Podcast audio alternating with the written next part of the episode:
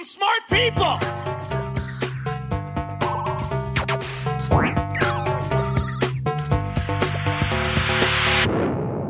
Velkommen til Sinnsyn.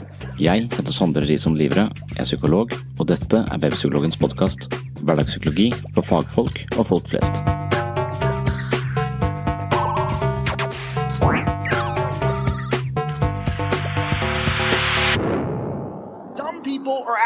Smart people at a fucking staggering pace. And nobody ever even talks about it. We all kind of know it's happening.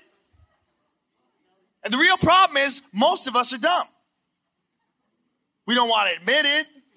But really, how many of us are really smart? Look, I know I'm stupid. I know, I know I'm stupid, but yet I'm smarter than almost everybody I meet.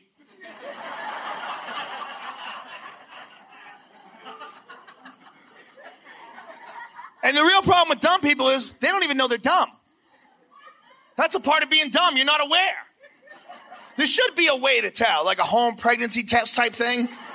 Some shit you take it home and you lick it and you go, oh, I'm a fucking idiot. Shit! The fuck is this? It's broken. Give me another one. Dudes would never believe it. Idiots would be fucking boxes stacked to the ceiling. Liar! Cocksucker! No!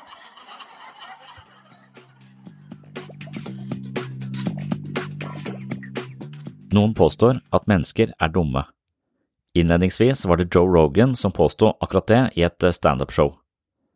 Faktum er at 10% av jordens befolkning befinner seg i nedre del av normalområdet når det kommer til intelligens.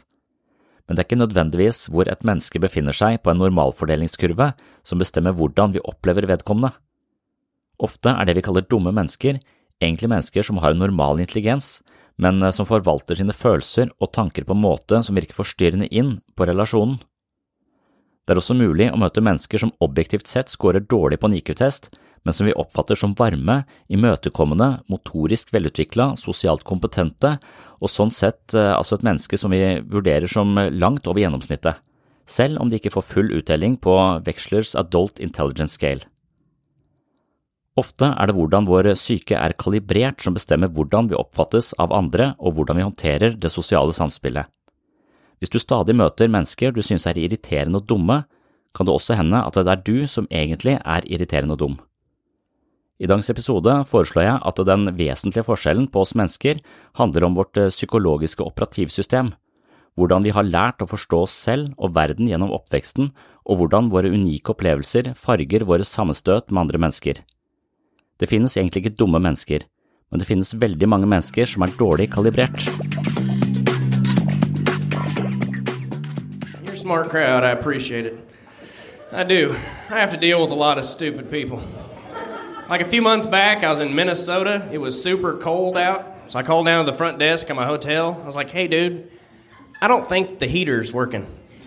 He goes, well, what seems to be the problem? I noen situasjoner reagerer vi på primitive måter. Vi oppfører oss umodent, skylder på andre eller nekter å innrømme feil. Hvordan faller vi ned på et slikt nivå? Hva kan man gjøre for å unngå det? I dagens episode skal jeg tilbake til de klassiske psykodynamiske teoriene om menneskets utvikling. Jeg vil innlede med en kort oversikt over vårt psykiske forsvarsverk, og deretter spille av et lengre segment fra en forelesning jeg holdt ved Universitetet i Agder i januar 2020. Dette er en tematikk jeg har publisert tidligere her på Sinnsyn, og denne episoden må derfor betraktes som en repetisjon. Jeg har ikke postet dette foredraget før, men innholdsmessig ligner det tidligere episoder fra Sinnsyn. En del vil imidlertid være nytt, og for deg som liker de psykologiske teoriene som kaster lys over the games people play, håper jeg dette kan være en god oversikt eller et godt tilbakeblikk på teoriene jeg har undersøkt tidligere. Dagens episode handler rett og slett om hvordan vi mennesker danser sammen i det sosiale landskapet, og ikke minst hvordan og hvorfor vi stadig mislykkes og ryker uklare med hverandre. Jeg skylder på deg, og du skylder på meg, og så går det utover en kollega eller barna.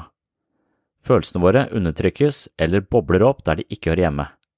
Hva skjer, og hvorfor skjer det? Er det fordi vi er mindre intelligente? Sannsynligvis ikke.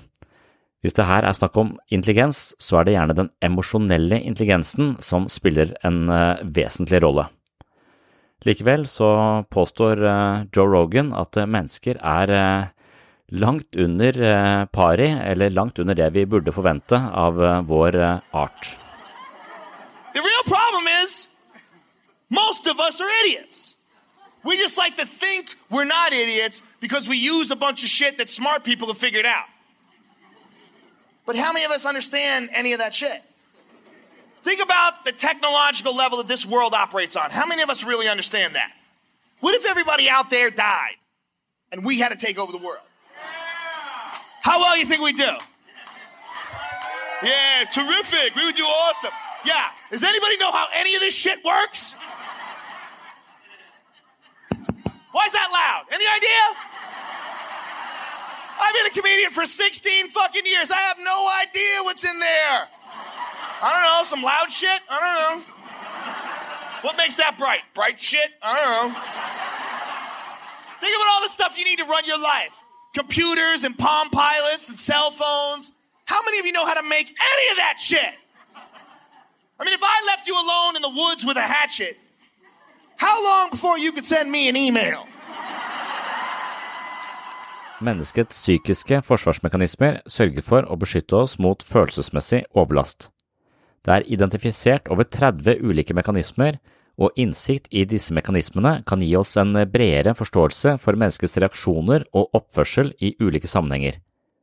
På Webpsykologen har jeg samla alle mine artikler om dette temaet under kategorien forsvarsmekanismer. For å finne fram til kategorier på Webpsykologen så må du se bort i eh, høyre sidebar. Der er det en eh, sånn rullegardin med ulike kategorier, og der ligger også forsvarsmekanismer som eh, en egen eh, kategori, og der er, finner du mellom 30 eh, og 40 artikler om ulike typer forsvarsmekanismer. Vårt forsvar er på sett og vis hierarkisk organisert med de modne og høyt adaptive mekanismene på toppen. Deretter kommer de nevrotiske forsvarsmekanismene som sentreres rundt fortrengning av følelser, mens de primitive forsvaret handler om splitting og en slags ansvarsfraskrivelse i forhold til vanskelige følelser og forestillinger. Splitting er altså en sentral mekanisme i det primitive forsvaret. Det betyr grovt sett at en angstprovoserende tanke eller følelse forblir bevisst, men fremmedgjøres. Nevrotikeren fortrenger de uakseptable følelsene og impulsene slik at de skyves ut av bevisstheten og glemmes i hermetegn. Ved primitivt forsvar glemmes ikke følelsen, men personen fraskriver seg ansvar for den pågjeldende følelsen. Følelsen avspaltes og omgjøres til noe som ikke er meg. Likevel er følelsen til stede, men så lenge personen har spaltet den av og avskrevet den som sin egen, må den komme fra noen andre.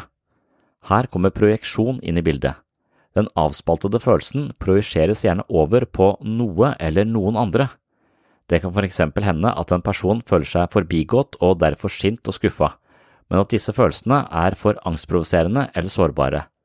Ved primitivt forsvar vil opplevelsen av sinne og skuffelse tilskrives noen andre. I et parforhold blir krangelen som følger. Det er ikke jeg som er sint, men du.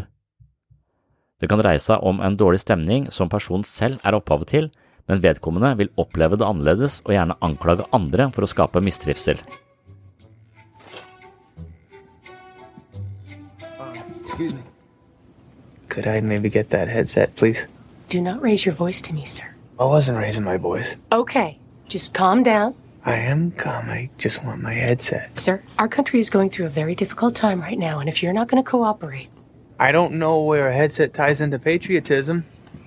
Is there a problem here, sir? I, I don't think so. Can you come to the back of the plane with me so we can have a talk? Talk about what? There's not a problem. This the steward is just keeps flight attendant. The flight attendant keeps ignoring me when I ask. Calm down. I am calm. What is it with you people? You people. Oh, now wait a minute. I don't mean you people. I mean you people. Sir, I will not tolerate any racist behavior on the plane. This is a very difficult time for our country. I, I know that. I'm not a racist. I just want to watch the movie. I'm only going to say this one more time, sir. Calm down. I'll come!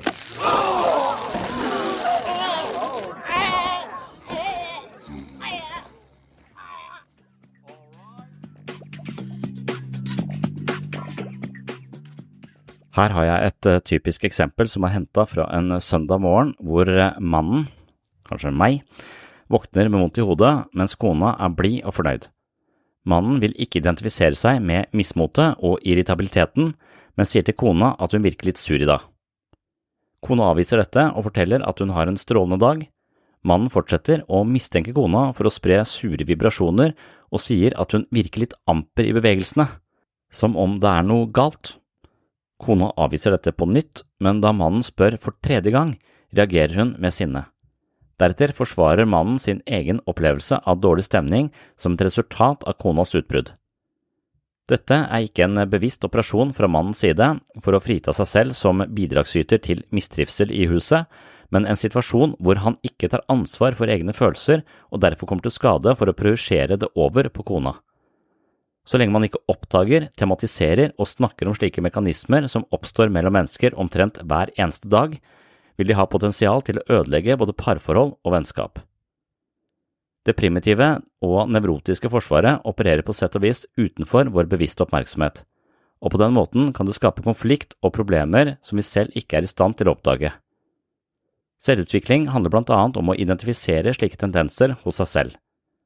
Evnen til å se seg selv utenfra og andre innenfra er på sett og vis kjennetegnet på psykisk sunnhet.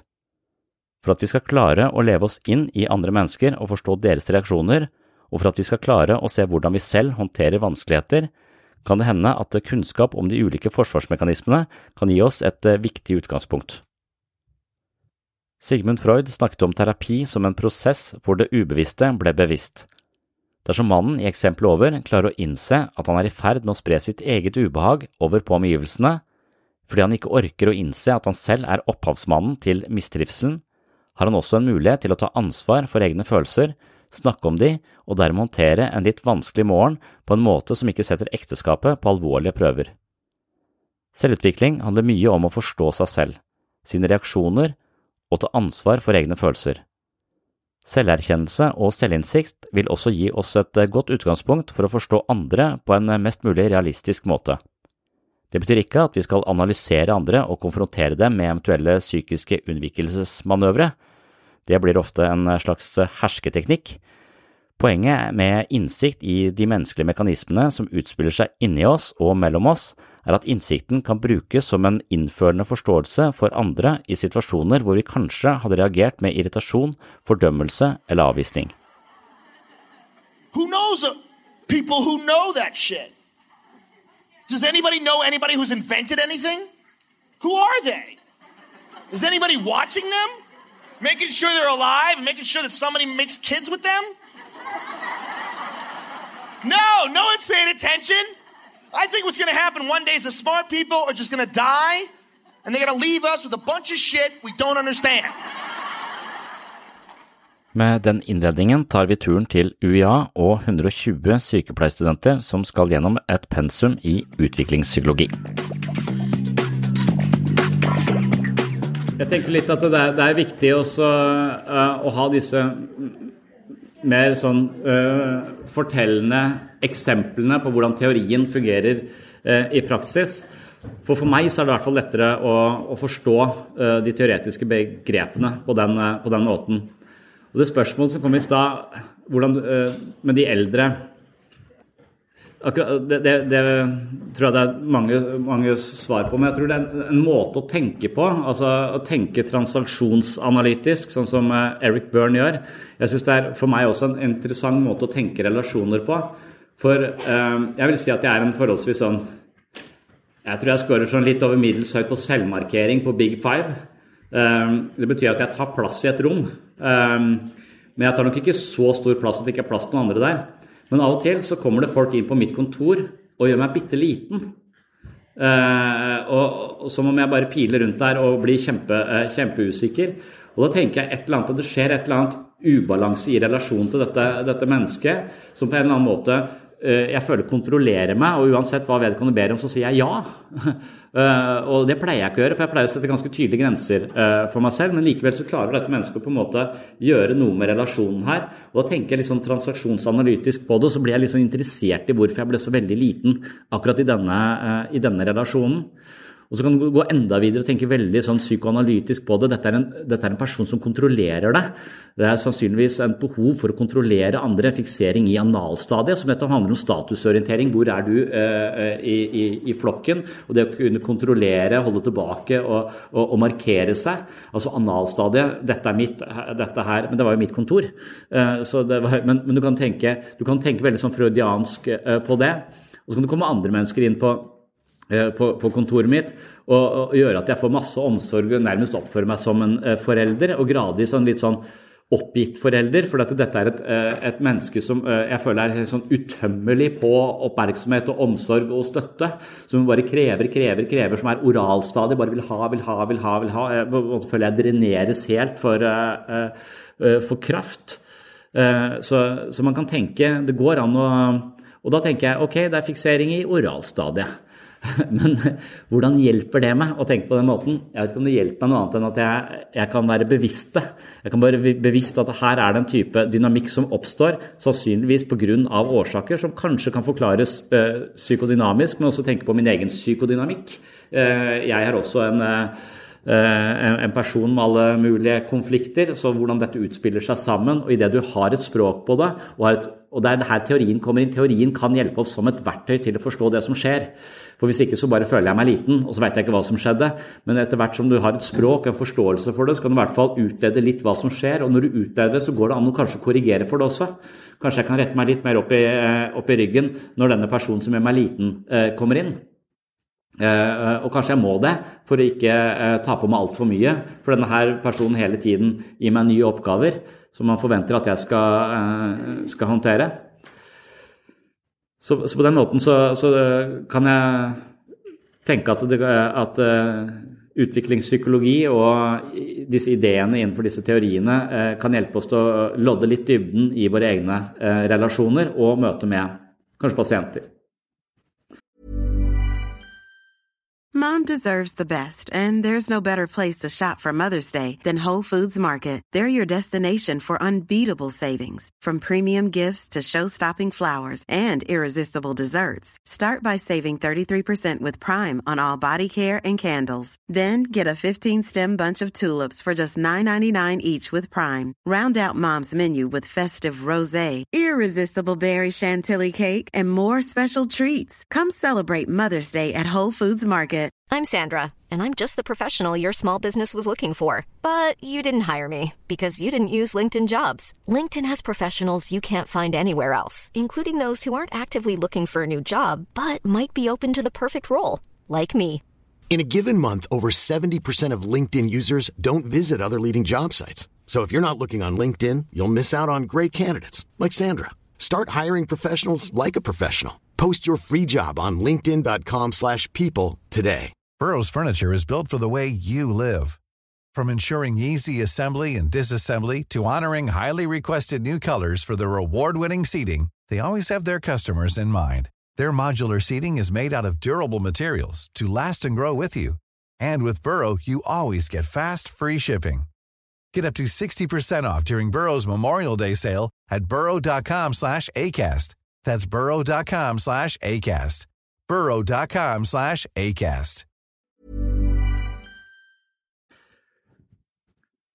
Og ja, og, og, hvordan du Når jeg hele tiden føler at når jeg blir liten, så vil jeg prøve å tilkjempe meg eh, rollen som eh, likeverdig i, igjen, eller bare forholde meg der nede. Jeg klarer ikke å komme opp. Eh, men, og, og, noen ganger når jeg merker at mennesker gjør seg mindre enn det de er, spiller sånn type trebeinspill, og at de, jeg tenker de har et større potensial, men de kan ikke se det, så handler det om å støtte og trygge de, sånn at de i det hele tatt tør å våge å ta noe mer ansvar for livet sitt. Så Det er en veldig viktig komponent av terapi, er å, å kunne uh, gi de den omsorgen, den støtten og den anerkjennelsen de totalt manglet når de, når de vokste opp, for i det hele tatt da å kunne utfordre de uh, uh, senere. Men, men av og til så må du oppføre deg mot mennesker som om de er bedre enn de selv tror. Og det er litt sånn tydelig eller Jeg vet ikke om dette er riktig, men dette er på en måte min idé om, eh, om barneoppdragelse til en viss grad også. ikke absolutt, men når jeg ser når sønnen min på sju år eh, begynner å skrike og oie seg for helt trivielle ting, Eh, så sier jeg skjerp deg, ta det sammen, du kan ikke, eh, kan ikke, oppføre deg sånn. Eh, vi, vi skal bare vente et halvtime, så skal vi gå. Men vi, nå ble det en forsinkelse, så, så, så, kan jeg på en måte og, og, det jeg da forventer av han, er at han har prefrontal cortex til å regulere følelsene sine ned. Men det jeg vet teoretisk sett, er at han har ikke prefrontal cortex. For det er en del av hjernen som ikke aktiveres før du er ja, Det begynner på 6-7-årsalderen, det skal Piaget snakke om i et senere eh, kapittel. Og så er det ikke ferdigutvikla før han er 30. Så det han kunne sagt, at ja, du forventer nå at jeg har prefrontal cortex. Det har jeg faen ikke. Så jeg reagerer eh, eh akkurat sånn som eh, eh, uten noen eh, reguleringsevner. og det må du bare finne deg i, og det burde du vite fordi du er psykolog. Faen ta deg. Det kunne han sagt. Og det har vært helt korrekt. men til mitt forsvar da, når jeg på en måte irettesetter et barn og forventer at det oppfører seg på en måte som det ikke har kapasitet til, så oppfører jeg meg mot dette lille mennesket som om det har prefrontal cortex. Og idet jeg oppfører meg som om det er en prefrontal cortex der, så er det sånn denne prefrontal cortexen aktiveres, stimuleres og blir til. Hvis jeg bare forventer at den aldri er der, så vil den heller ikke nødvendigvis stimuleres. Så det er som selv om det ikke er der, så må vi alltid oppføre oss som om det er der. For da får dette mennesket noe Det er som vi i å se det på den måten er med på å forme det og utvikle det også. Uh, og det kalles ofte innenfor utviklingspsykologi for sone for nærmeste utvikling. Du må av og til se de litt høyere, men du må ikke gå over det de ikke kan ta, uh, takle. for Da blir det total kollaps. Men hvis du bare hele tiden krever noe som er helt oppe i sone for nærmeste utvikling, så kan du være med på å stimulere den delen, sånn at han må begynne å løfte vekter med denne svake uh, cortexen han har her i utgangspunktet. Og på det så blir han litt sterkere i den, og neste situasjon så er han bitte litt sterkere, selv om han ikke er ferdigutvikla før han er uh, 30. Men han begynner allerede nå å langsomt trene på dette, for det forventer det av han. Eh, så det er også litt med litt sånn transaksjonsanalytisk tenkt. Så over på, eh, på splitting for disse objektrelasjonsteoretikerne, postfreudianerne, som da bygger videre på Freud, men også på Anna Freud, er også opptatt av, av Forsvaret. Og de er opptatt av spesielt dette forsvaret som handler om splitting. Eh, og det betyr at eh, eh, splitting er en operasjon vi foretar for å få mer kontroll og oversikt i, i, i verden. Så et, for et lite barn så er det veldig vanskelig å se på foreldrene sine som, på en nyansert måte. Så ofte så setter vi foreldre opp på en pidestall og ser de som helt fantastiske og ignorerer alle feilene. For vi klarer ikke å, å Eh, se andre mennesker i gråtoner, for det er veldig avansert.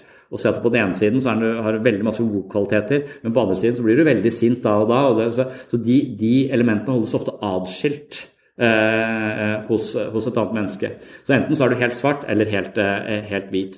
Det er en måte å orientere seg på som gir en bedre oversikt, eh, for du slipper alle, alle nyansene. Og det å på en måte vokse og bli moden som menneske, det handler om å se nyansene i ting. Eh, og ikke se ting eh, eh, svart eller hvitt.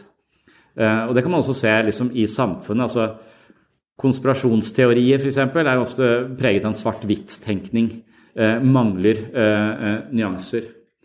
det vi snakket om sist, Dunning-Kruger-effekten og Mount Stupid. det er også ofte en, en ganske enspora måte å, å, se ting på, og bare se ting som tar, går til inntekt for din Eh, forståelse av en eller annen bestemt, eh, bestemt sak. Um, og, og, det som eh, er det Fairbairn som sier, uh, sier dette med det er bedre å være en djevel i en verden styrt av Gud enn en engel i helvete. Og dette handler om denne typen splitting-mekanisme. For det barnet ofte gjør når det vokser opp i en familie som ikke har omsorgsevne nok til å ta vare på barnet, eller eventuelt oppfører seg eh, stadig kritisk, kanskje voldelig, eh, og barnet lever i en, eh, en, situasjon som er egentlig helt utholdelig, for barnet er totalt avhengig av omgivelsene eh, eller av omsorgspersonene sine. Men hvis de ikke fungerer og oppfører seg bedritent, eh, så gjør barnet en snuoperasjon som, som gjør at de spalter dette ut. altså mamma og pappa er egentlig fantastiske, eh, men pga. at jeg er så slem, så oppfører de seg sånn. Og da tar de på en måte kontroll på problemet. Eh, så de splitter verden opp, men de tar den onde siden. De, de identifiserer seg med den onde siden. Eh, for da er foreldrene på den måten fordi barnet er ondt. Eh, og det er bedre for et barn å være en djevel i en verden styrt av Gud enn en engel i helvete. For hvis barnet bare gjør så godt det kan, og jeg er snill, og de er slemme, så er det en helt umulig situasjon. Men hvis du har er den slemme, og de bare oppfører seg rasjonelt på din uh, umulige væremåte, så, uh, så, er du fortsatt i en trygg verden hvor Gud bare straffer deg fordi du er så slem. Og der kan man se denne merkelige formen for skyldfølelse som folk har langt opp i voksen alder. Det er ikke uvanlig at folk som har blitt utsatt for seksuelle overgrep eller eh, vold osv., har en følelse av skyld, selv om dette skjedde når de var ti år. Uh, en følelse at de kanskje var litt med på det. kanskje, sånn. Så, så det, på en eller annen sånn, Men det er åpenbart at det ikke er din skyld. Du var uh, ti år. Men da er det disse forsvarsmekanismene som har sørget for at barnet må påta seg denne slemme rollen for i det hele tatt ha noen følelse av kontroll på situasjonen sin. Og Det er noe man kan ta med seg inn i voksenlivet og føle en sånn totalt irrasjonell skyldfølelse for ting som ikke har noe med en selv å gjøre. Og, og Hvis man ikke har trygge nok omgivelser når man vokser opp, så, så, vil man fortsette å splitte verden på denne måten. Og kanskje se alle andre som mye bedre enn meg, og jeg som, eh, som veldig dårlig. Og mangle nyansene i møte med, eh, med, omgivelsene. Så man sier at det å bli voksen, det handler om å tilgi sine foreldre, er det noen som sier. Men eh, jeg vet ikke om man skal tilgi, man kan ikke tilgi alt, men kanskje man, det å bli voksen handler kanskje om å akseptere foreldrene sine. Og det vil si at man rett og slett innser at på den siden så gjorde de så godt de kunne, og de støtta meg veldig der, men på den annen side så var de også sånn, og på den tredje siden og på den fjerde siden. Altså se foreldre som strevende mennesker med sine issues, som helt klart har påvirka, uh, deg, men istedenfor å bare klandre de eller se de som helt svarte, som også er en, uh, en, normal ting. Jeg var så snill, og når vi blir eldre, så kan vi snu hele den operasjonen og se på oss selv uh, som denne eh, stakkarslige og, og personen som bare gjorde så godt de kunne, og disse forferdelige eh, foreldrene, som også er en fase av, av utviklingen. Men helt i en unyansert måte å se det, eh, se det på. Så når man eh, på en måte tilgir sine foreldre, så er det fordi man ser dem i en, eh, et klarere lys, et mer realistisk eh, lys. Ikke som barn eller som foreldre, men i egomodus, kan man si. When you're ready to pop the question, the last thing you want to do is second guess the ring. At Bluenile.com, you can design a one of a kind ring with the ease and convenience of shopping online. Choose your diamond and setting. When you find the one, you'll get it delivered right to your door. Go to Bluenile.com and use promo code LISTEN to get $50 off your purchase of $500 or more. That's code LISTEN at Bluenile.com for $50 off your purchase. Bluenile.com code LISTEN. There's never been a faster or easier way to start your weight loss journey than with PlushCare. PlushCare accepts most insurance plans and gives you online access to board-certified physicians who can prescribe FDA-approved weight loss medications like Wigovi and Zepbound for those who qualify. Take charge of your health and speak with a board-certified physician about a weight loss plan that's right for you. Get started today at plushcare.com slash weight loss. That's plushcare.com slash weight loss. plushcare.com slash weight loss. I'm Sandra, and I'm just the professional your small business was looking for. But you didn't hire me because you didn't use LinkedIn jobs. LinkedIn has professionals you can't find anywhere else, including those who aren't actively looking for a new job, but might be open to the perfect role, like me. In a given month, over 70% of LinkedIn users don't visit other leading job sites. So if you're not looking on LinkedIn, you'll miss out on great candidates like Sandra. Start hiring professionals like a professional. Post your free job on linkedin.com slash people today. Så denne splittingen ehm, Det er jeg som er ond, de er gode, og de vil meg vel. Det er min skyld at de ikke vil være sammen med meg. Eh, og ut ifra denne eh, teorien så kan man også forstå kanskje senere utvikling av f.eks. depresjon. Og når jeg snakker om mannen som aldri blir sint, Eh, så er det en, eh, en, historie om splitting som ligner litt på den historien jeg prøvde å fortelle sist eh, fra, fra Anna Freud. Men her er det en mann som heter Petter, som vokser opp med en far som bor, i, som bor sammen med dem, men hver 14. dag så er han 14 dager borte i, i Nordsjøen og jobber der. Så da er han borte. Petter føler seg vel mer forlatt, og som alle andre barn så higer han etter oppmerksomhet, for det er jo nettopp i blikket til foreldrene våre at vi dannes som, som mennesker. Det er der vi speiler oss og finner ut hvem vi er. Og, men pappa er veldig ofte borte, og når han kommer tilbake igjen, så er han litt sånn som pappa til Albert Aaberg. Han sitter ofte bak avisa og røyker pipe og har ikke tid. Um, så pappa ser meg, ser meg, ser meg. Uh, men ja, vent litt, vent litt. Uh, stadig. Føler seg hele tiden avvist av, uh, av pappa og blir rasende på faren sin. Og dette raseriet, dette morderiske raseriet, som barn ikke har noe språk på eller forståelse for, opplever som livsfarlig og slemt. Altså, jeg er en ond person. Det er ikke rart at pappa ikke vil se meg, siden jeg har alt dette raseriet retta mot han. Eh, og idet eh, denne angsten blir så høy for dette raseriet mot denne personen som jeg, jeg gjerne vil bli likt av, som jeg elsker så høyt, idet denne angsten og, og, og innsikten der kommer, så vender Petter sinnet tilbake igjen. Det er av at jeg er så rasende og slem at pappa ikke vil være sammen. Så han vender sinnet innover. Eh, og I verste fall så blir dette et mønster eh, hvor han gjennom livet, hver gang han møter motstand, istedenfor å bruke sinnet sitt som en eh, drivkraft fremover til å forsere hinder, så, så, blir han oppgitt og sint på seg selv og lei seg for at han ikke mestrer det.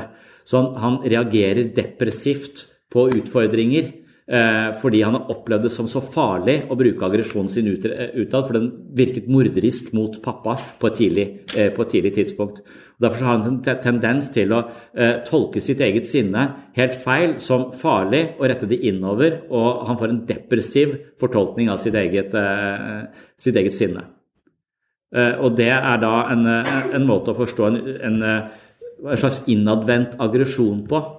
Og i verste fall, hvis du hele tiden eh, bare vender sinnet innover og tenker at det er typisk meg, og det er alltid meg, det er alltid meg, folk hadde hatt det bedre uten meg. Til slutt så kan denne aggresjonen, som ikke får noe egentlig utløp, det bare vendes innover og blir sånn dyssa ned og depressiv og tung. Til slutt så kan den eksplodere, men da eksploderer den ikke alltid utover, da imploderer den ofte, og det kan f.eks. være selvmordet. Den mest aggressive tingen du kan gjøre rettet innover, er jo selvmordet. Eh, så Petter, sånn jeg kjenner han, kommer inn etter et suicidforsøk. Når man jobber på institusjoner, eh, så er også splitting en sånn eh, ting som, som, foregår. Og som jeg sa, det former verden litt. Så idet du er på at Splitting er en forsvarsmekanisme som skaper orden i kaos.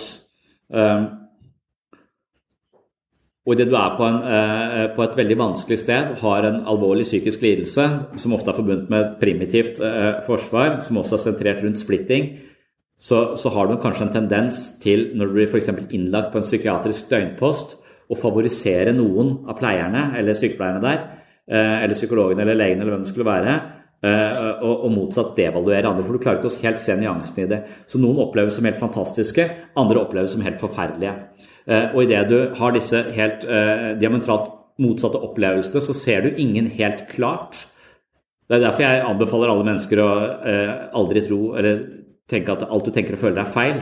Fordi jeg vet at denne typen forsvarsmekanismer alltid er med på å farge eh, eh, måten vi opplever andre mennesker på. Eh, og spesielt om man er veldig pressa, så har man tendens til å se ting som, eh, som enten helt svart eller, eh, eller helt hvitt.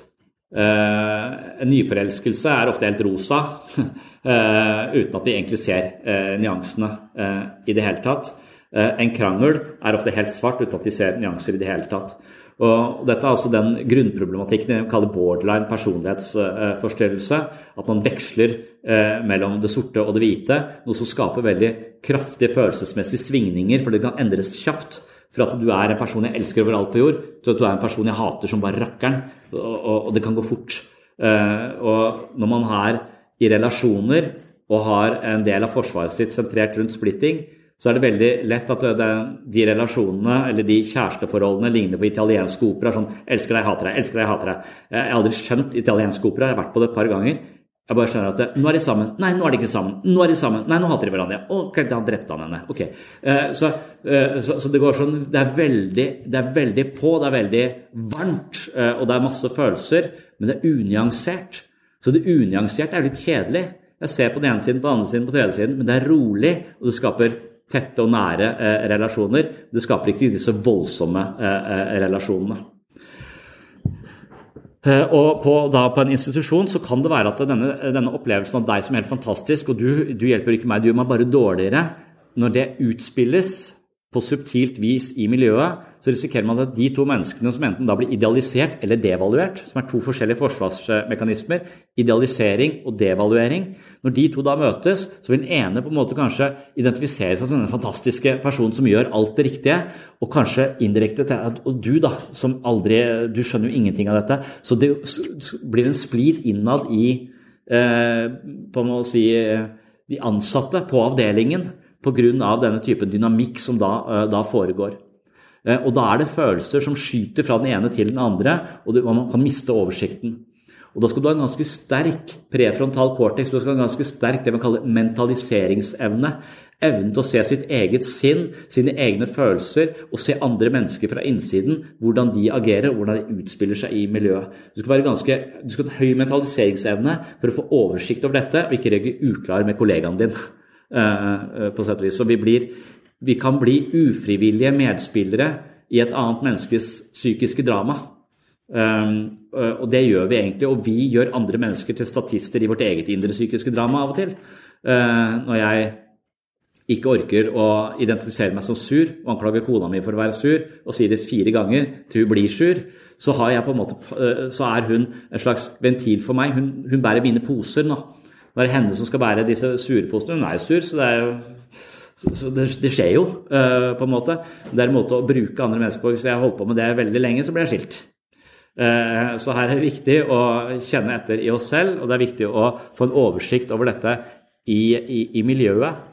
Og det er også noe, veldig viktig, at Når du møter mennesker som er eh, langt nede, så har de veldig ofte behov for å gi deg noen poser, eller på, i løpet av et eller annet sånn Games People Play plassere noen poser på kontoret ditt som du bare eh, mer, mer sånn uforvarende bare tar Det er sikkert mine, og så går du, så blir det bare tyngre og tyngre og tyngre å være deg. Eh, og det er der utbrentheten hos behandlere eh, kan være en fare. For hvis ikke du klarer å, å på en måte se hvem som eier posene, hvor de hører hjemme, så er det veldig lett å, å overta de og bli det. Og som kona mi blir sur, så kan jeg også bli, få en følelse av håpløshet i møte med en deprimert eh, pasient. En pasient som er eh, døden nær og, ser totalt dystert og, og destruktivt på alt. Eh, eh, den følelsen er tung å bære, og på en eller annen subtil måte så kan det være at han legger igjen noe av den følelsen, føler seg helt håpløs, også i meg. Så det eneste jeg gjør som terapeut, er å føle meg helt håpløs. Jeg klarer ikke å strekke til på noe som helst.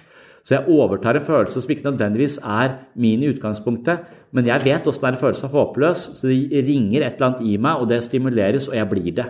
Og Det er derfor man også har veiledning når man jobber i psykisk helse, fordi man vet at det er disse forsvarsmekanismene, denne splitting-tendensen, ofte eh, eh, man blir mer eller mindre ufrivillig eh, dratt inn i dette. og Hvis man ikke ser det, så er det den følelsen av håpløshet den tror jeg du har med deg fra den timen eh, før lunsj i dag. Uh, og jeg tror du må se at den hører de posene der. Nå tar jeg det som veileder, jeg kan ta de litt for deg. men jeg skal, neste gang så må du huske på å levere de tilbake til den personen, for de hører ikke hjemme der. Og hvis den personen aldri skal bære denne håpløsheten selv og våge å se oppi disse posene sammen med deg, så, så vil du gjøre vedkommende en bjørntjeneste. Det kan være at vedkommende ikke kan ta imot denne posen før, uh, før langt ut i neste uke, eller kanskje ikke før uh, utpå våren. Det er en veileders jobb å, å, å sortere dette her.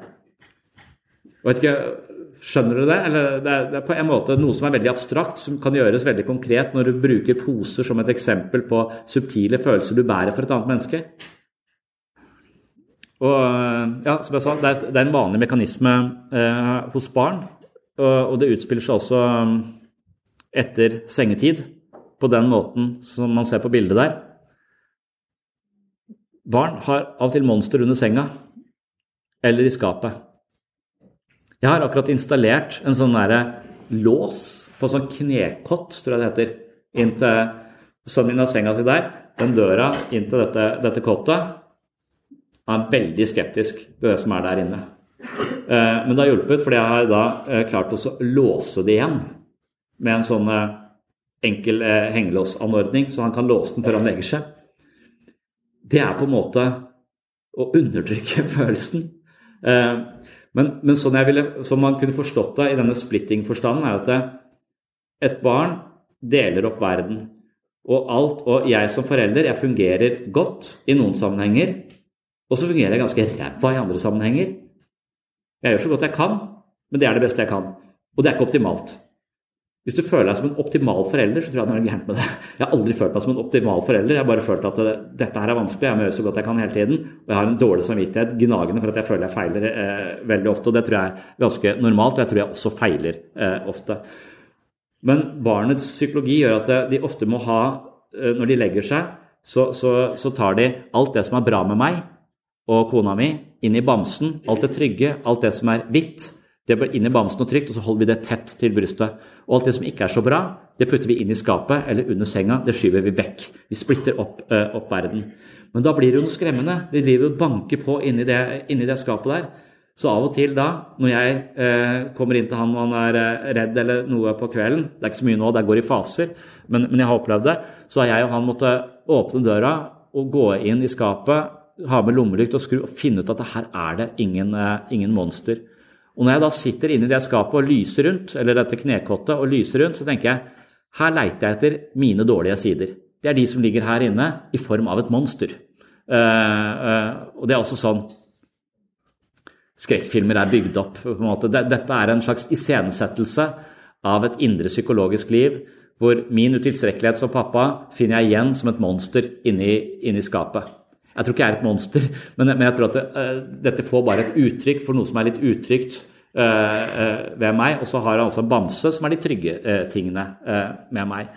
Og så, så, hver gang jeg må inn i skapet for å leite etter monster, så tenker jeg nå må jeg se litt på meg sjøl der. Hvordan fungerer dette? Jeg må ta meg sammen litt. Det er et slags signal på at jeg må, må gjøre noen grep med meg selv. Det høres kanskje litt dramatisk ut, som om jeg er helt udugelig som pappa. Jeg tror ikke, jeg, tror ikke jeg er helt uh, udugelig som uh, pappa, men jeg, jeg tror at, at, barns psykologi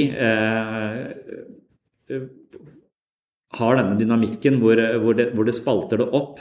Og, og, det er jo litt, da, litt, trist å lete etter at det er mine hender, det som er på bildet der. Det er litt sånn vanskelig å ta, ta inn over seg, men jeg tror dere forstår konseptet med monster under senga. Men det er ikke bare vi som foreldre som er monstrene senga. Det er mye mer enn det. Absolutt. Det, å, det var godt du minnet meg på. Det hjalp meg litt, faktisk. ja. Det er alt det som eh, Det at de løper fra deg på, på vei hjem fra skolen, og du ikke klarte å holde tritt fordi sekken din var for tung. Eller, eh, eller den læreren som ba deg gå ut fordi du bråka, og det var skremmende at noen kjefta på meg. Det er, det er nok eh, alt, alt sammen. Eh, men, og da vil jo det Hele poenget da som forelder er jo å avkode monsteret. Og finne et språk for det. Og nettopp ta den samtalen. Hva er det som har skjedd i, i dag eh, etter at monsteret er avkrefta? Det er ikke der inne. Åssen har du hatt det i dag? Hva har skjedd? Blir du lei deg når det skjer? Og, og, små mennesker har jo ikke så mye språk på, på følelser. Så det er veldig ofte så føler jeg jeg leiter i Jeg får ikke så mye respons. Men etter hvert som dattera mi er ti, så får jeg masse respons. Særlig klokka fem på ni. Da kan jeg snakke til klokka ti. Men før det, da får jeg ikke respons. Da får jeg masse, da har du masse lange samtaler om hva som skjer, hvordan hun opplever det. Og så kan man liksom foreslå kan man føle det litt sånn. Hvordan tror du egentlig hun følte det? Og, da, da, og, det, er, og det er å være på da blir monstrene gjort om til forståelse, til følelser, og plassert der de hører hjemme. Og det er foreldres rolle er jo nettopp å, å, å gjøre akkurat det. Forstå, prøve å være såpass i balanse selv at jeg har evnen til å leve meg inn i hvordan hun potensielt sett kan føle det, eller se hvordan jeg kunne følt i den situasjonen, og foreslå dette for å lyse i skapet, men da egentlig ikke skapet lyser på innsiden. Hva følte du egentlig? Jeg vet ikke, hva føler man? Kanskje jeg følte litt det, kanskje jeg følte litt det. Hvilke følelser har vi egentlig? Vi har alle disse følelsene. Hvem ligner mest? Og Det er det livsmestring kanskje går, uh, går, ut på på skolen. De har disse røde og grønne tankene, synger noen sanger og sånn derre Grønne tanker, det er fine tanker og det er sånn. uh, og jeg, jeg, tror det er det det, det det dreier seg om. Det er en slags monsterjakt.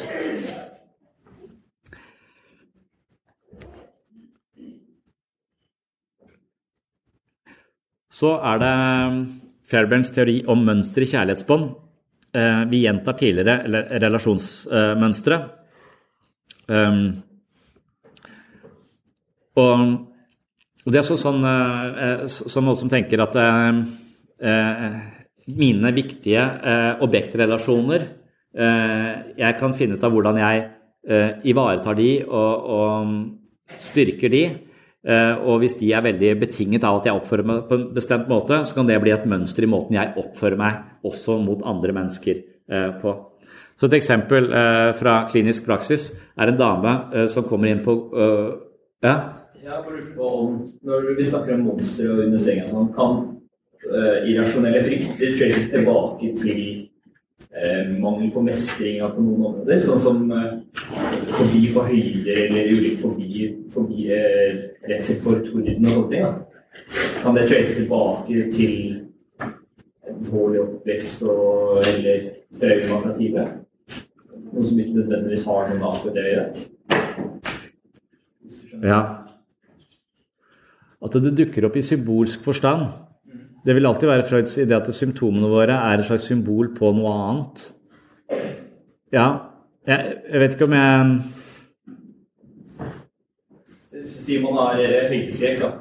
Ja. Da på en måte kurere høydeskrekken ved å snakke om hvordan barndommen var. Gå tilbake på det grunnleggende. Mm. Det tror jeg kommer an på, eh, og der tror jeg det, på en måte diagnostisering er viktig. Eh, jeg tror at det finnes eh, tusen forskjellige årsaker til at en person er redd, og tusen andre årsaker til at en annen person er redd, og at de kan ha helt forskjellig etiologi, som det heter, eller årsakssammenhengene.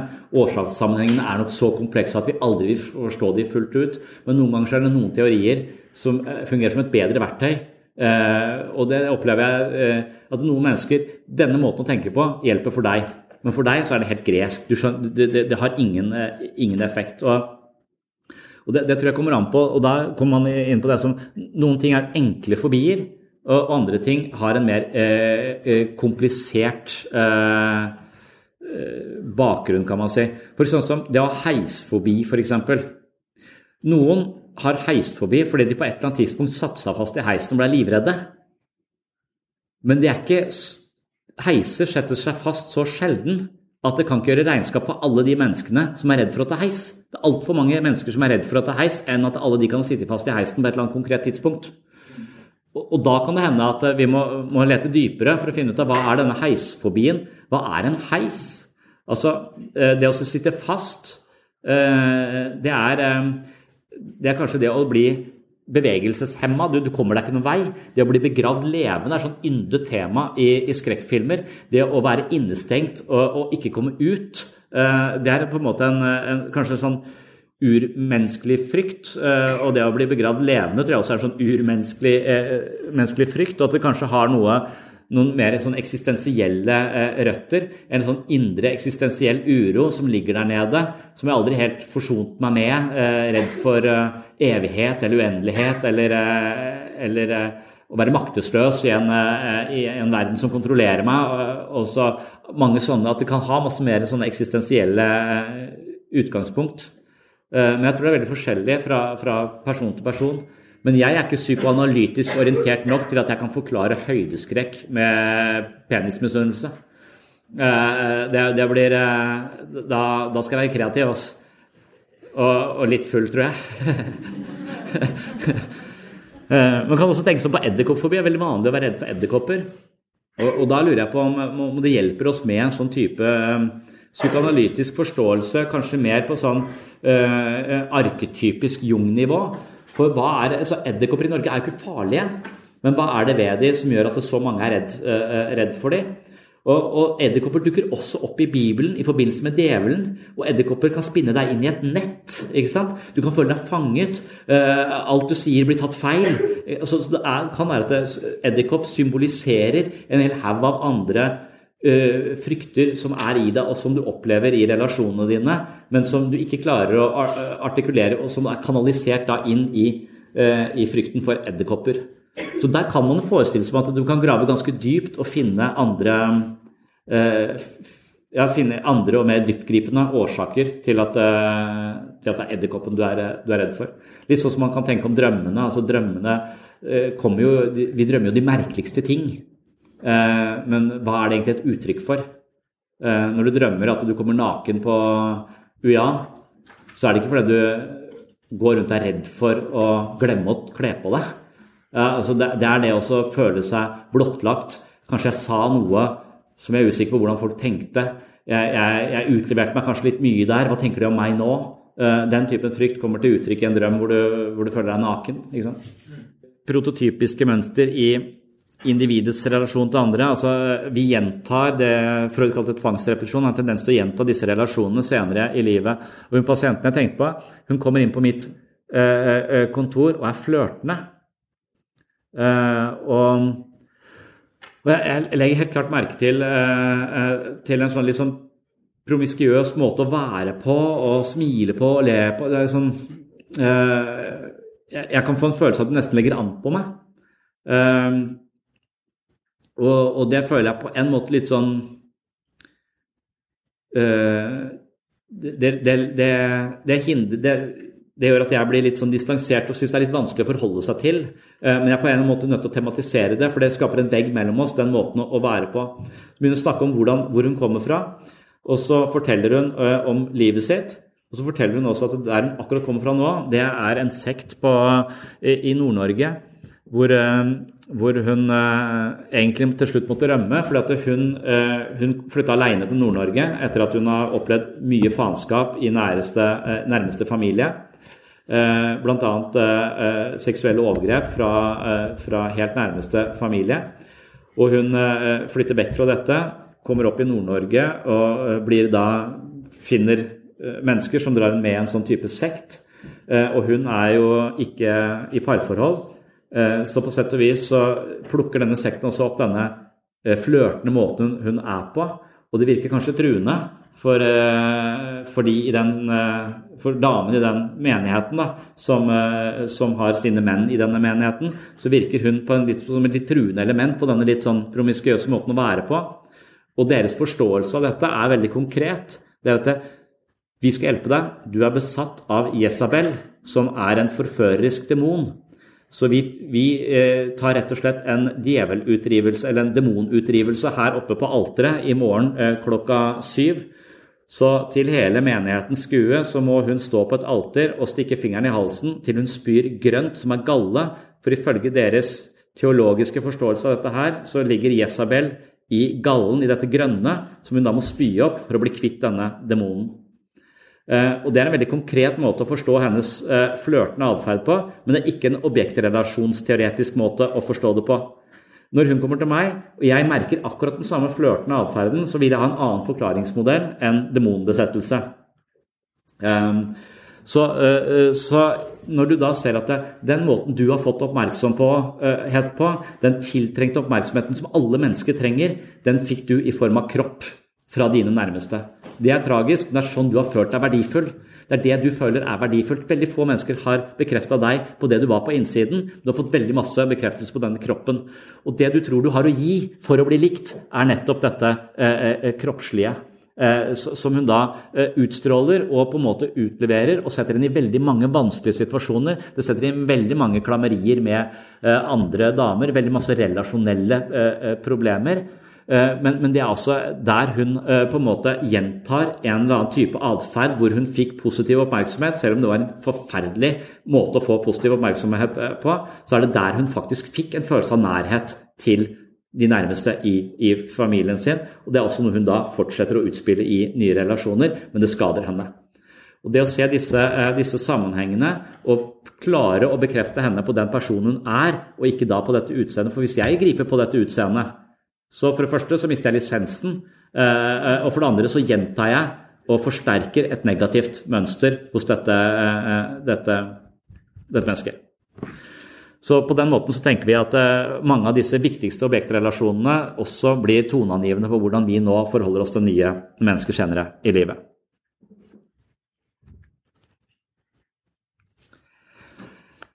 Melanie Klein er neste teoretiker ut her, etter Fairbairn.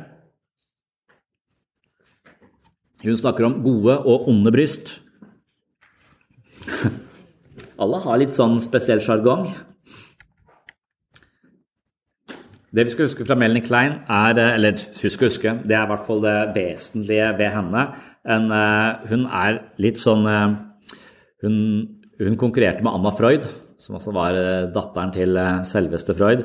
Men de to hadde litt ulike perspektiver på ting og var litt i tottene på hverandre. Men to veldig sterke kvinner i, i, for dette psykoanalytiske miljøet, og veldig innflytelsesrike. Um, og det hun eh, snakker uh, mye om, er projektiv identifikasjon. Um, og hun mener at barnet er født inn i noe som kalles den paranoide, schizoide posisjon. Og det betyr at um, barnet projiserer smerten som skjer mot meg, ut på uh, noen andre som er i nærheten. Eh, og opplever i utgangspunktet barnet er født inn med en sånn slags alarm. Sånn at verden er ute etter å ta meg, verden kan være farlig, verden kan være smertefull, og det er du og det er du og det er, du, det er din skyld. Det er det projektive. De legger, de legger roten til alt ondt utenfor seg selv. Og Hvis du har små barn, så har du kanskje lagt merke til det. For det jeg kan si til, uh, til min datter på tre at du må ikke klatre på stuebordet, for da kan du falle ned, og det gjør vondt. Da får du aua. Så vær forsiktig der sånn. Og så går jeg inn på kjøkkenet for å lage middag, og så faller hun ned fra stuebordet, skriker og mener det er min skyld. Du, og, så, og, så, og, for, og, da sier hun, eh, og da, hun, da, går hun rett til kona mi. Eller, eller det som er greia, er at når hun slår seg, så går hun alltid til den omsorgspersonen som er eh, eh på en måte lengst unna der det gjorde vondt. Så hvis jeg er nærmest når hun slår seg, så er det min skyld, og så går hun til kona mi. Men hvis, jeg, øh, hvis, kona mi er nærmest, så tenker hun at det er hennes skyld, og så går hun til meg. Så, så barn har, har, en måte å projisere ting ut på omgivelsene sine, og så velger de den omsorgspersonen som de da har tenkt på som ikke årsaken til at jeg har vondt, den som er lengst unna. Så, så, det er veldig tydelig at hvis, hvis jeg er nærme når hun slår seg, så vil hun ofte til kona mi. Hvis kona mi er nærme, så vil hun til meg. Uh, og det, det, det, tror jeg har med denne, denne projektive identifikasjonen å gjøre. De tillegger smerten utenfor. Og da er greia, Hvis jeg ikke forstår dette, og jeg sier uh, til, til dattera mi på tre år også, Det er ikke min skyld, da, jeg var jo her ute. Slutt å, hvis at jeg oppfører meg da og kjefter på henne fordi hun kjefter på, uh, på meg, så møter jeg aggresjon med aggresjon, og jeg vil hun vil bli værende i denne projektive, for da vil hun få bekreftet ja, verden er slem, verden er sint, verden er farlig. For jeg bekrefter nettopp det jeg blir. Jeg blir eh, på en måte bærer av det onde. Jeg sier nei, det var ikke meg, jeg advarte deg til og med. Jeg, ha, jeg orker ikke å bære den posen, så jeg kaster den tilbake igjen på et altfor tidlig tidspunkt. Hun kan ikke bære det, hun er tre år. Og hvis jeg ikke klarer å møte den eh, anklagen jeg får mot meg, med omsorg og kjærlighet og aksept, eh, så, så, vil, jeg, så vil hun ha vanskeligheter med å komme ut av denne paranoide, schizoide posisjonen. Så Melanie Klein sier at all utvikling handler om kjærlighetens kamp mot aggresjonen. Så idet hun er aggressivt retta mot meg, selv om det ikke er min skyld, og jeg møter henne med kjærlighet og forståelse, så vil eh, langsomt kjærligheten vinne over aggresjonen, og hun vil eh, få avkreftet at verden er et sånt sted som er ute etter å ta meg eller være slem mot meg osv. Så, videre. så ser hun på verden som et mye bedre sted. Hun går over i det som Melanie Klein kaller den depressive posisjonen, som heller ikke høres veldig bra ut, men det er bedre. Eh, og det, da går hun istedenfor å være sint på oss, så blir hun redd for å miste oss. Hun knytter seg til oss på en nær og god, eh, og god måte. Hvis jeg bare møter henne med kjeft, så vil vi være i opposisjon til hverandre, og hun vil fortsette å se på verden som et farlig, eh, sånn, eh, farlig sted. Så, det, eh, så Melanie Klein tenker at mennesker skal gå fra den paranoide, schizoide posisjonen over i den depressive eh, posisjonen. Og I den depressive posisjonen så er det overveiende kjærlige relasjoner. Der vil aggresjonen vike. Depressive refererer til å gi slipp på den kontrollen man har over andre ved f.eks. projeksjon. Her kan barnet utvikle ansvar, sjenerøsitet, kreativitet, takknemlighet, omsorg og innlevelse i andre. Angsten er ikke lenger knytta til overlevelse, men handler om frykten for å miste den man er glad i. Det betyr egentlig bare at kjærlighet avler kjærlighet. Eh, og hvis vi møter aggresjon med aggresjon, så, så blir, blir, du værende i denne spis eller bli spist-verden. Det er en stor forskjell eh, på mennesker. Når jeg møter mennesker som har hatt det kjipt opp igjennom, så skjønner jeg at eh, vi bor i to forskjellige byer. vi. Du går gjennom marken som om det er Gotham City og det er jokeren som er rundt der og lager faenskap. Mens jeg går rundt gjennom marken og tenker at dette er jo sørlandsidyll og smilende sørlendinger og fløteis. Og, så jeg har ingen frykt gjennom eh, marken, så jeg ser ingen farer. Jeg er ikke redd for andre mennesker. Jeg tror de vil meg vel. Jeg tror de er hyggelige. Eh, mens menneskene jeg møter i gruppeterapi da, de tør ikke gå gjennom markens. For der er det farer rundt hvert eneste eh, hjørne. De ser på andre mennesker som farlige, som slemme, noen som skal ha en, eller annen agenda. De er ute etter meg. Eh, de ler av meg. Hva er det han gjorde nå? Hvorfor ser han sånn på meg? Som en enorm mer sånn paranoid beredskap. Da. Det er en slitsom måte å leve på. Det handler om at de kanskje ikke da har blitt møtt med nok omsorg og, og, og kjærlighet, ifølge Melling Klein. Og det siste uh, vi tar før vi tar en pause, da, så går uh, Beyond uh, kaller denne depressive posisjonen for kapasitet for omsorg.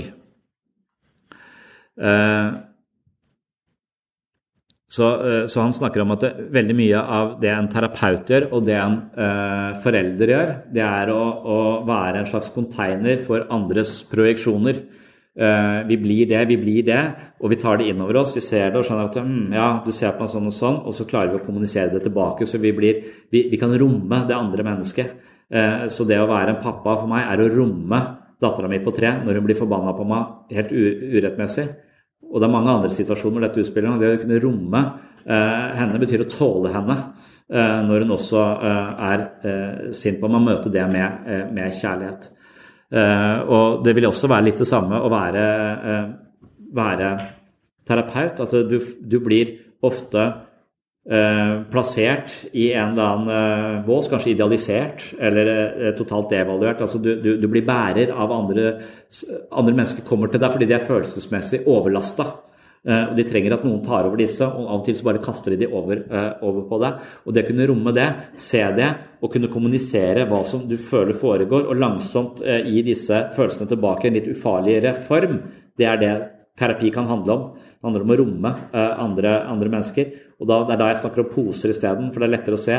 Og hvis jeg overtar en pasient sine poser, og jeg vet at det er det jeg gjør, så har ikke jeg noe problem med å bære noen poser. Så lenge jeg vet at dette er en god ting å gjøre. For jeg har tenkt å gi de tilbake til det vedkommende på mandag. Men de må få slappe av nå over helgen, så kan jeg bære disse her. Jeg kan bære den, eh, og, så, gir jeg de tilbake på et senere tidspunkt. Men hvis jeg ikke merker at jeg overtar poser, og noen bare legger de på ryggen mine og ikke sier fra, jeg bare føler meg nedkjørt og håpløs og vondt i hodet og får masse kroppslige symptomer, kanskje, så er det fordi at jeg ikke klarer å se forskjellen på mine egne poser og andre sine poser, og plutselig så blir jeg den som lider en slags over, overlast. Eh, og da har du ikke god nok oversikt til å romme andre mennesker. Og det å romme andre mennesker handler om å ha mentaliseringsevne. Det handler om å ha forståelse for hva som er mitt og hva som er den, så klare å sortere i dette mellommenneskelige, litt kaotiske landskapet hvor vi er fullt av forsvarsmekanismer som gjør at vi enten blir sett på som uh, som en gud eller som en djevel. Og, det å identifisere seg med dette er veldig, veldig vanskelig. Det er eh, kanskje veldig tydelig i det som kalles Stockholm-syndrom. Det er jo denne banken i Sverige eh, hvor, eh, hvor, hvor det var en, en, del mennesker som ble tatt som gissel. Og gisseltakerne slo de, banka de, men de var også de som sydde de sammen, ga de plaster og mat og vann. Så, så, det var den samme personen som slo, som også var omsorgspersonen. Og når du blir slått og er helt på, her, så, så på en eller annen måte så er du på på, på, baseline, du er på, tilbake på barnestadiet, og du på en måte eh, skaper relasjoner til overgriper, destruktive relasjoner til overgriper, for det er også overgriper som tar vare på meg. Så Når da politiet ordner så disse folka kan komme ut, så er det mange av de som ikke går ut i sympati med gisseltakerne og blir igjen i banken. Altså, Du sympatiserer nå med overgriper på en eller annen måte. Og det, det, det er en effektiv eh, Det er det som skjer i voldelige parforhold også. Det er eh, slag, og det er hets, og det er trakassering, og så er det og beklager tilgivelse. Skal ikke gjøre det igjen. Sorry. Og så endrer maktbalansen seg. Den som blir slått, får plutselig masse omsorg, eh, og det loves bot og bedring. eh, Og plutselig så er det den som da er overgriper, som angrer og, og er synder. Og så skjer det noe i maktbalansen, så går det litt, og så plutselig så kommer en ny, eh, ny vold, ny faenskap, og så er dette et sånt mønster som egentlig bare binder folk veldig tett sammen. Det er veldig vanskelig. Det er som om, som om denne personen stjeler en del av meg, og, og jeg får den aldri tilbake igjen. Så, så hvis du er veldig avhengig av å holde på et annet menneske, så er det lurt å banke det, og så være snill mot det, og så banke det og så gjøre det litt sånn fram og tilbake. Da får du en veldig destruktiv relasjon. Du ødelegger et annet menneske, men det er veldig vanskelig å gå fra det. Så hvis du er gisseltaker eller konemishandler, eller mannemishandler, hvis det fins, så, så du kan fange mennesker på den måten. Yes, da tar vi en pause, så tar vi Winnicott etterpå.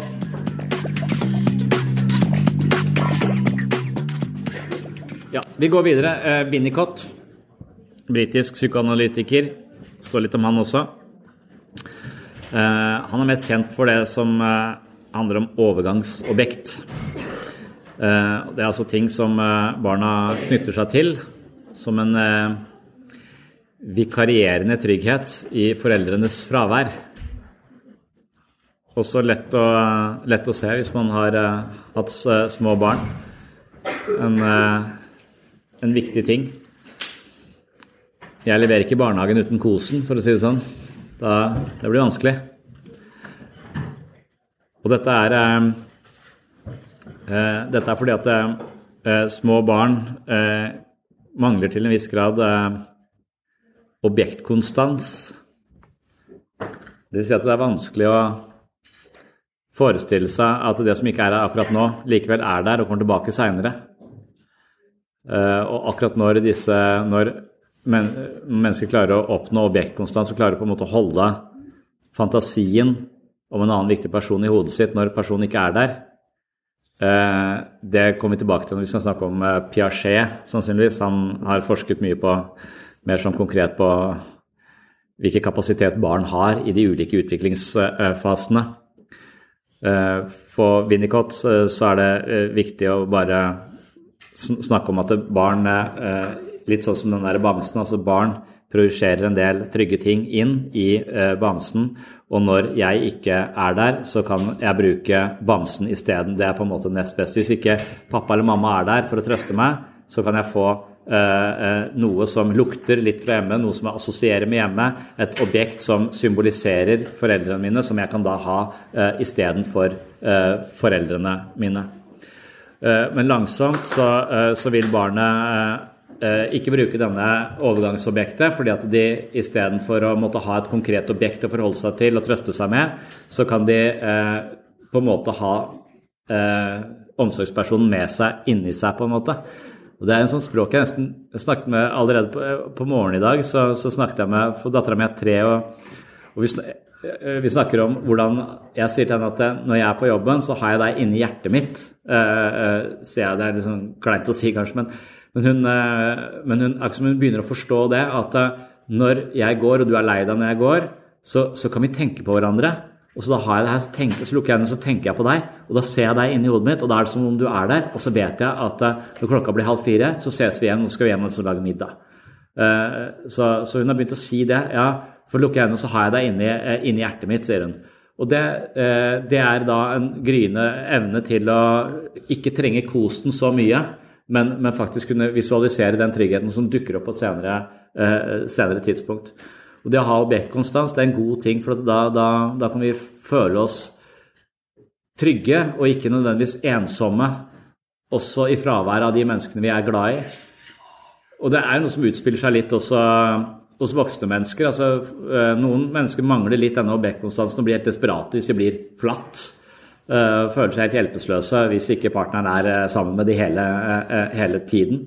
At de ikke klarer på en måte å hvile i den tryggheten inn, inni seg. Ja, han snakker om holding. Winnicott. Det handler om at at omsorg er ikke bare denne psykologiske eh, biten, å ivareta og snakke om monster og, og hjerter og overgangsobjekter, og, men det er også å ha passe temperatur på vannet når du vasker fjeset.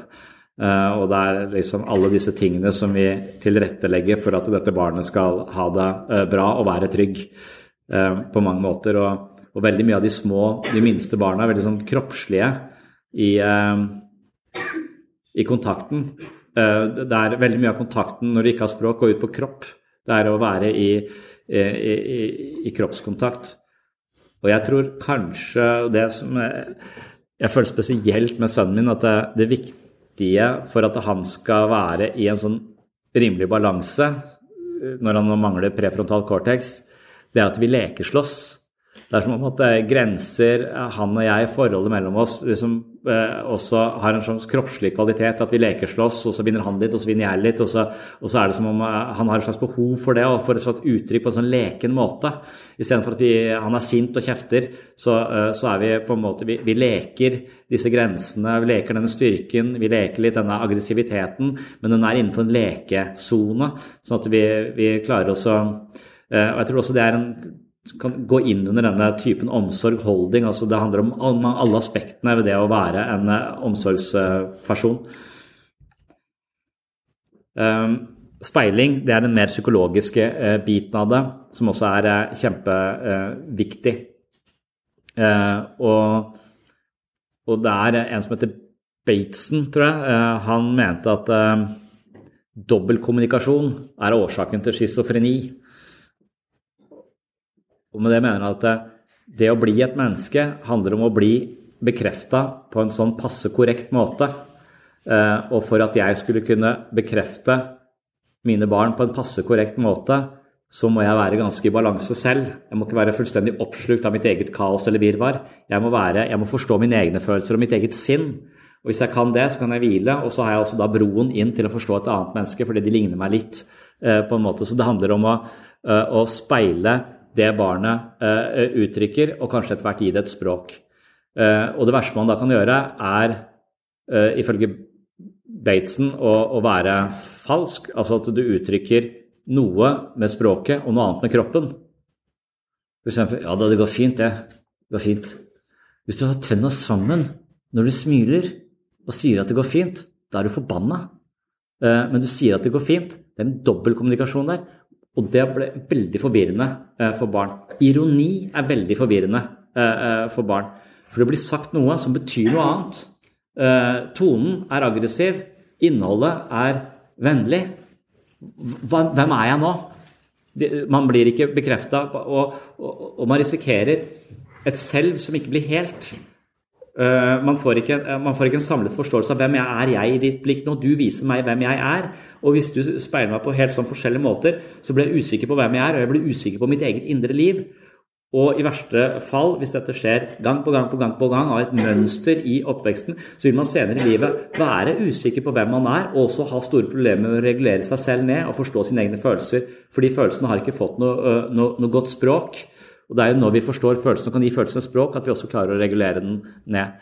Så speiling er eh, der hvor vi som eh, omsorgspersoner mer eller mindre automatisk eh, tilkjennegir at vi tror vi vet den følelsen som barnet har.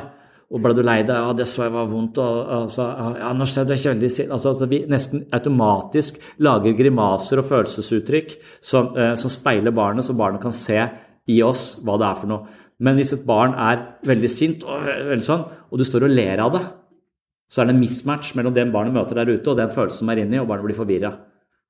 Eller eh, hvis, eh, hvis, barnet ler og er veldig ivrig, og det bare får kjeft hele tiden, så er det også en mismatch eh, eh, mellom disse to tingene. Det kan skape en type indre forvirring eh, eh, hos, hos, barnet, og en følelse av en sånn type spalta selv som ikke, ikke, får noe helt sånn forankring.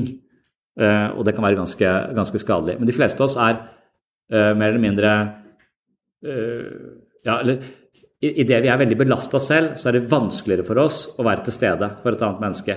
Uh, og idet vi har en smarttelefon, så er vi ofte mer opptatt av siste oppdateringa på Twitter enn å vise barnet hva du føler på innsiden. Men da får du med deg masse nyheter, men du får også et barn som ikke blir sett. Uh, og det er kanskje det verste. Ting, en, ting, er at Hvis barnet får masse kjeft, så kan det komme til å føle at jeg er en person som uh, gjør ting feil. Men det er en kjerne der. Jeg føler meg feil. Det er meg. Eh, men et barn som ikke blir sett, eh, det kan også vise har, ingen selv, har ingen følelse av noe som helst. Eh, så jeg husker en, en fortelling fra, fra en jente som sa at jeg husker jeg sto inne på doen, eh, og så kom en av venninnene mine inn, og så gråt hun. Og så, og så, lurte jeg på hvorfor hun gråt, og det var fordi hun hadde fått så dårlige karakterer, så nå ble pappa sint. Og den følelsen jeg hadde, var misunnelse. For når jeg kom hjem med min karakterbok, så var det ingen som så den. Det var aldri noen som hadde tid til å se det i det hele tatt. Det å bli sint på at du fikk for dårlige karakterer, var en måte å bry seg på. Han bryr seg i hvert fall om at du får karakterer, men jeg er ikke, er ikke sett. Så dette, dette, kan i verste fall bli et slags usynlig menneske, som ikke egentlig blir nesten synlig for seg selv. Uh, og, og, det er litt som det lille det der, I Mummitrollet så er det en sånn person som forsvinner til slutt. Uh, og det gjør vi hvis ikke vi, vi, blir sett. Vi blir mennesker i andres blikk.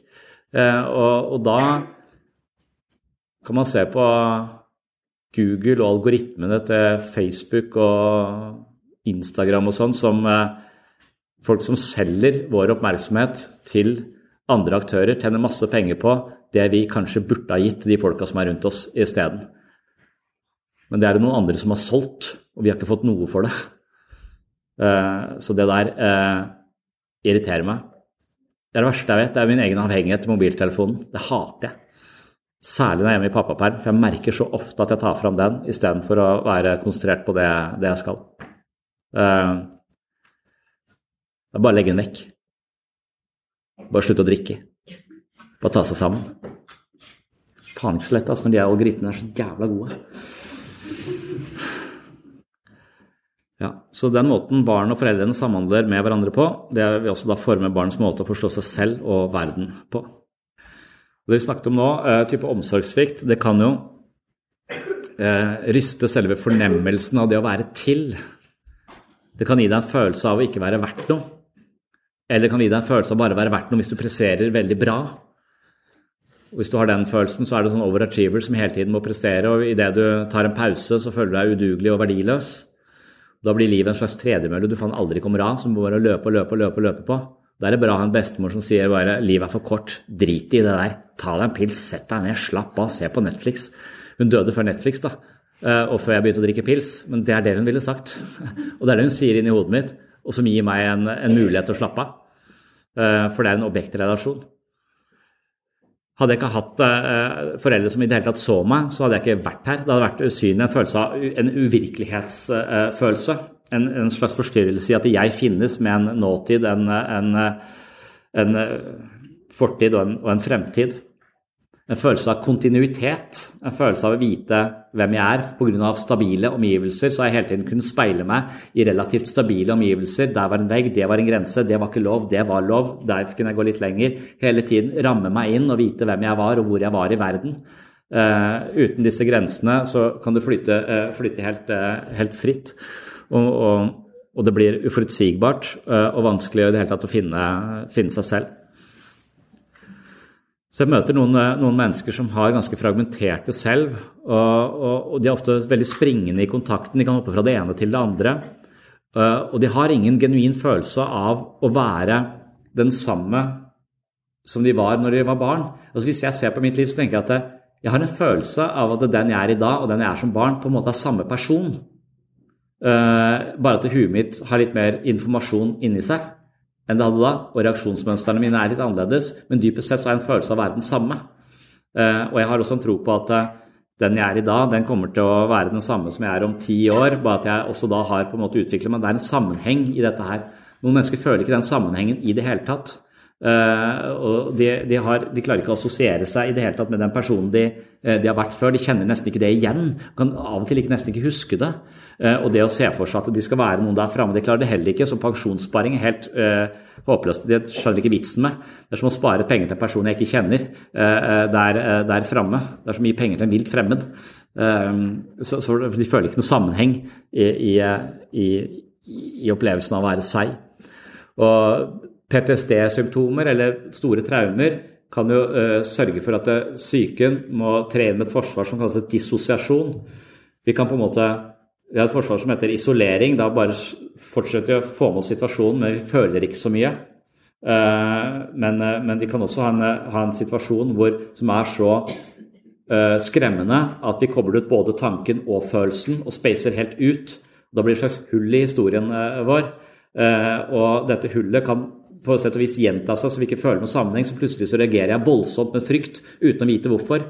Jeg blir tatt helt på senga. Jeg skjønner ikke hvorfor jeg reagerer sånn som jeg reagerer nå. Uh, og jeg er livredd i en situasjon som ikke er farlig. Uh, litt sånn som på babysang. Uh, og, og da er det jo I og med at jeg reagerer med frykt på babysang, så må jeg finne ut av hvorfor gjør jeg det. Og det er i den prosessen jeg finner ut av min egen reaksjonsmønstre og forstå sammenhengen mellom den jeg var før og den jeg er nå, og hvorfor jeg reagerer sånn på den og den typen eh, situasjoner, at jeg er med på å lage sammenhengen i livet mitt, og jeg forstår reaksjonene mine der og da. Og når jeg forstår reaksjonene mine, så er det ikke spesielt skremmende. Å ja, det er sånn, ja, nå kommer den frykten som jeg har typisk fordi jeg eh, føler meg for tøff til å gå på babysang. Det er det. Det truer min maskulinitet. Eh, og idet jeg kan forstå det, så kan du regulere den ganske, eh, ganske mye ned. Eh, og, og, det er ofte en form for psykoterapi handler om å skape disse sammenhengene, vel vitende om at de sammenhengene um, Hukommelsen vår er så dårlig at vi kan ikke gjenskape fortiden vår på noen veldig korrekt måte. Men, vi, men måten vi forstår vår egen fortid på, det kan være mer eller mindre bra for oss. Uh, vi, psykoterapi kan handle om å gjenfortelle historiene om deg til du er på en plass hvor det er godt å leve videre med den historien, og du kan bygge videre og, og, og være selvstendig og stå sterkt på, på den historien. Så hvis du hele tiden forteller en historie om deg selv som et offer for alle mulige omstendigheter, så kan det være at det er den måten du tolker også alle nye erfaringer på. Og da vil du alltid bare føle deg svikta eller oversett, eller, eh, og du tar lite ansvar for å, for å komme deg videre. Det er en destruktiv måte å forstå seg selv på og fortelle historien om sitt eget liv på. Eh, så vi, så, og spesielt da hvis man har sånne veldig eh, altså dissosiative hull i historien sin, så har vi en sånn type PTSD-problematikk hvor, hvor, du plutselig får minnebilder uh, og tror nesten at det er, eh, det er, virkelig og blir helt fanget av dette, og det tar deg helt på senga. Da har du ikke noe kontroll. Det er som livet ditt er en skrekkfilm. Og skrekkfilmer viser deg plutselig sånne ting. Det er for å skremme livskiten ut av deg. Uh, og hvis det er livet ditt, så er det ganske, ganske Hvis du går rundt på en sånn kinosal som plutselig opp med sånne ting, eller får flashbacks om natta osv., så, videre, så handler det ofte om å integrere disse minnebildene i fortellingen om deg på en måte som nå kan forstås, og ikke skremme deg og ta deg på senga hver gang. Du forstår at jeg har opplevd det og det, det var helt jævlig, men det har også gjort meg til den og den personen. Nå forstår jeg at de og de situasjoner reagerer jeg sånn og sånn på. De og de triggerne gjør at jeg er sånn og sånn, men nå vet jeg at det tilhører fortiden, det er ikke nå. Og langsomt kan du lage en fortelling som du går an å leve med, som skaper en oversikt, så du veit hvem du er. Uh, mens all mulig form for omsorgssvikt og traumatiske hendelser kan skake denne fornemmelsen av sammenheng i, i, i livet. Der har vi disse lek- og overgangsobjektene. Det har vi vært inne på. Eh, leken er det rommet eh, mellom eh, den ytre, virkelige verden eh, og den eh, indre virkeligheten. Eh, så, er, det, leken. Og overgangsobjektet kan jo være da denne kosen eller denne Eh, denne sutten. Eh, så, så, det, også, det er jo oralstadiet. Der, eh, der er det jo det også at for å roe ned følelser, så får du noe i munnen. Og da kan vi også putte en smokk inn i munnen på, på babyen, og så slutter han å, å gråte. Og, og, sånn som jeg sa med, med min sønn, som da eh, ikke tok noe smokk, så hadde jeg ikke noe Dattera mi gjorde det, også, men han gjorde ikke det, så da hadde jeg ikke noe av, avknapp. Så da, da fikk jeg han til å begynne å røyke eh, isteden. Så da tok jeg et bilde. Det hjalp. Kjipt var at han drev og røyka på senga hele tiden, eh, så det var tilløp til brann stadig vekk. Eh, men eh, det kreative rommet, leken Jeg vil påstå at det motsatte av lek er angst og depresjon. De menneskene jeg møter som har hatt det kjipt, ikke hatt det kreative rommet, for det istedenfor å ha muligheten til å leke og utforske ting, så har de hatt utrygge omgivelser, og det er det eneste fokus du har på å bli trygg. Eh, da er det ikke noe rom for å utfolde seg, finne ut hvem jeg er, leke, eh, teste ut livet, teste ut hva jeg liker, hva jeg ikke liker, hva jeg kan, hva jeg ikke kan, hva jeg må trene på. Eh, dette kreative rommet. Så lenge du ikke har opplevd at det er rom for å leke, så vil livet ditt bli for alvorlig. Så noen ganger så er bildet mitt at det, Eller det jeg opplever, er at jeg er heldig og har hatt det fint opp igjennom. Så mitt indre liv er som en slags sandkasse Eh, så folk kan si ting til meg som kan være støtende. Det kan være å kaste en liksom kampestein inn i min sandkasse. Men jeg klarer å knuse den ned, så jeg kan bruke den til å leke med den. Jeg kan få ideer inn der, jeg kan leke med disse ideene, sette de sammen. Jeg er en leken person i forhold til mitt eget indre liv fordi at jeg har hatt det trygt. Eh, og fordi at jeg har fått lov til å leke. Eh, men den leken jeg gjorde i sandkassa der ute, det har nå blitt en lek på innsiden. Så jeg kan leke med ideer. jeg kan leke, å, Der dreit jeg meg ut, det var litt uh, gøy. Ha, hva tenker du? Så jeg kan ha en distanse til disse tingene som ikke blir så gravalvorlige. Så om dere opplever meg på en sånn ja, han var en idiot, så, så kan jeg på en måte synes det er kjipt, jeg kanskje kan prøve å endre meg, men jeg kan også leke litt med den ideen. Det satt 100 sykepleierstudenter og syntes jeg var en idiot. Det kan jeg godt fortelle til noen, og synes at det er litt gøy i etterkant. Kanskje ikke akkurat nå, men, det, men jeg kan finne en måte å leke med det på fordi jeg har det rommet til det. Men mange mennesker har ikke det rommet. De har opplevd at alt er for alvorlig. De får kjeft. Alt som kommer inn, er som kampesteiner. Så de har ikke et indre liv som er en sandkasse, de har et indre liv som er et pukkverk. Bare store, skarpe kanter, bare farlige tanker, farlige følelser. Kan, kan på en måte slå meg i hjel og kan skade meg på hver eneste kant. Så de er stive, prøver å si minst mulig, er redd for, for, at noen skal kaste noen nye, store steiner inn der på en eller annen tilbakemelding eller få kritikk eller et eller annet sånt noe. Det oppleves som bare en ny, stor stein inni meg som, som, er, som, er, skremmende. Og, og der tenker jeg vi må forholde oss og det, det tror jeg de fleste av oss kan oppleve at ting blir litt for stort, det blir litt for kampesteinaktig. Og psykisk sunnhet handler om, kanskje om å leke med så mye som mulig. Og, og se, finne måter å leke med dette på. Og de som aldri har fått lov til å leke, de har eh, en mye lengre vei å gå for å lære å leke. Så jeg tror terapi opplever jeg langs... Eh, så etter hvert som mennesker blir bedre, får det bedre med seg selv, senker garden litt, ser at de kan stole på de menneskene som er rundt seg i gruppa, ser at de kan stole på meg, at vi får en bedre relasjon, så kan de langsomt våge litt mer. Plutselig så har de litt humor, og plutselig så kan jeg spøke med dem og være litt frekk med dem. Eh, eh, og de er frekk tilbake igjen, og vi har en likestilt relasjon, og vi kan leke eh, sammen. Da er de ferdig i terapi. Mens i starten hadde jeg ikke turt å si noe som helst, for da hadde jeg følt at hvis jeg sier noe som er litt på kanten til det mennesket, så, så blir det tar ille opp eller blir fornærma eller noe sånt noe. Mens når jeg sier noe til deg som er sånn spøkefullt, så får vi en følelse av at det styrker relasjonen. Jeg ser deg, du tåler det, jeg dytter litt borti deg. Det er en måte å leke på eh, som, eh, som, gir respekt, på en måte. Og når, når, jeg klarer å ha den relasjonen til folk, så, så, tenker jeg at de også har kommet veldig langt eh, i terapi, og de er på, på vei til å, eh, til å mm, skrives ut og er ferdig eh, behandla. Fordi de har et mer lekent forhold til sitt eget indre liv. Og det tror jeg henger veldig mye sammen med den leken man eventuelt har fått eller ikke fått lov til å drive med i, eh, i, gjennom oppveksten.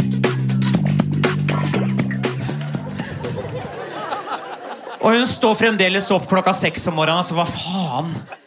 Hva er det hun skal rekke? Hver morgen så kommer hun inn ved siden av senga med sånn altfor svær pysjamas. Og står og ser på meg og sier 'Pappa? Pappa, stå opp? Pappa? Pappa, leke? Pappa? Pappa? Pappa, stå opp? Poke, poke, poke. Pappa? Pappa, stå opp? Pappa? Tar dyna sånn. Pappa, pappa, stå opp. Du kan ikke bli sur her, sant? Så du må bare stå opp og Pappa, stå opp! Pappa, leke! Jeg skal ta så jævlig hevn når hun blir 14 år gammel. Fy faen, hun skal få igjen! Jeg skal stå hver dag klokka seks om morgenen i en svær rosa onepiece. Med sånn fotballhorn. Pappa leke! Pappa leke Teletubbies! Tusen takk for meg.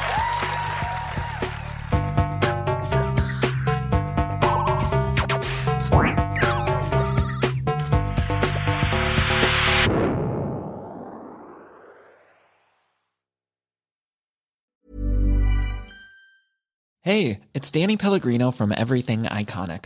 Ready to upgrade your style game without blowing your budget? Check out Quince. They've got all the good stuff shirts and polos, activewear, and fine leather goods, all at 50 to 80% less than other high end brands. And the best part? They're all about safe, ethical, and responsible manufacturing. Get that luxury vibe without the luxury price tag. Hit up quince.com slash upgrade for free shipping and 365 day returns on your next order. That's quince.com slash upgrade. Mom deserves the best, and there's no better place to shop for Mother's Day than Whole Foods Market. They're your destination for unbeatable savings, from premium gifts to show-stopping flowers and irresistible desserts. Start by saving 33% with Prime on all body care and candles. Then get a 15-stem bunch of tulips for just $9.99 each with Prime. Round out Mom's menu with festive rosé, irresistible berry chantilly cake, and more special treats. Come celebrate Mother's Day at Whole Foods Market. Hey, it's Paige DeSorbo from Giggly Squad. High quality fashion without the price tag. Say hello to Quince. I'm snagging high-end essentials like cozy cashmere sweaters, sleek leather jackets, fine jewelry, and so much more. With Quince being 50 to 80% less than similar brands.